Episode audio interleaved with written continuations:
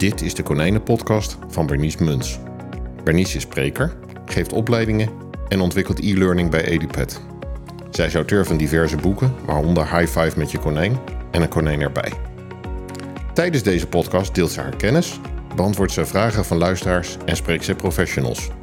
Ook deelt ze de nieuwste ontwikkelingen op konijnengebied. Dit alles met als doel liefhebbers en dierprofessionals te inspireren. Hier is jouw tweewekelijkse inspiratieshot, de Konijnenpodcast. Buiten de informatieve podcast die ik vandaag gedeeld had, wilde ik met jullie eigenlijk nog een verhaal delen. Gewoon omdat het kan, gewoon omdat het mij eigenlijk raakt en ook ergens wel puzzelt. Zoals velen van jullie weten, is in september een van mijn konijnen aan een hartaanval overleden. Mijn Vlaamse reus was dus onverwacht en opeens alleen.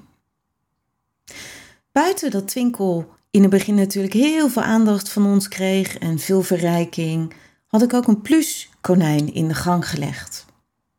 Een pluskonijn met wat body, zodat hij daar ook een beetje tegenaan kon liggen, uh, leek mij het beste. En ik had deze plus neergelegd op de plek waar ze vaak samen lagen. De eerste paar dagen keek je er gewoon niet naar om. Hij at minder, je kon gewoon zien dat hij verdrietig was en samen hebben we elkaar gesteund. Op denk ik dag drie of vier of zo heb ik de plus op een andere plek gelegd. En dat was ongeveer een meter, weet je, op de gang waar die eerst lag. En hij ging er meteen naast liggen. En af en toe waste hij die, dat plusje konijn ook. Niet lang daarna heb ik hem gekoppeld aan een nieuw konijn, Lizzie, en die woont nu bij ons. De eerste week heb ik de ren in mijn uh, studeerkamer geplaatst, omdat hij daar veel minder komt dan in de eigen konijnenkamer natuurlijk. En dan hebben ze gewoon meer kans om een band op te bouwen. Het gaat gewoon vaak makkelijker. Na een week mochten ze weer terug in de oude konijnenkamer, zeg maar. En wat ik zo bijzonder vond was, um, ik, ik tilde het konijn via de toiletbak eigenlijk op en droeg hem dus naar de konijnenkamer. De deur stond nog open. En het eerste wat hij deed, was de gang oprennen en weer naast de plus gaan liggen. Dat raakte mij. In de twee weken die daarop volgden, had hij wisselend aandacht voor Lizzie en de plus.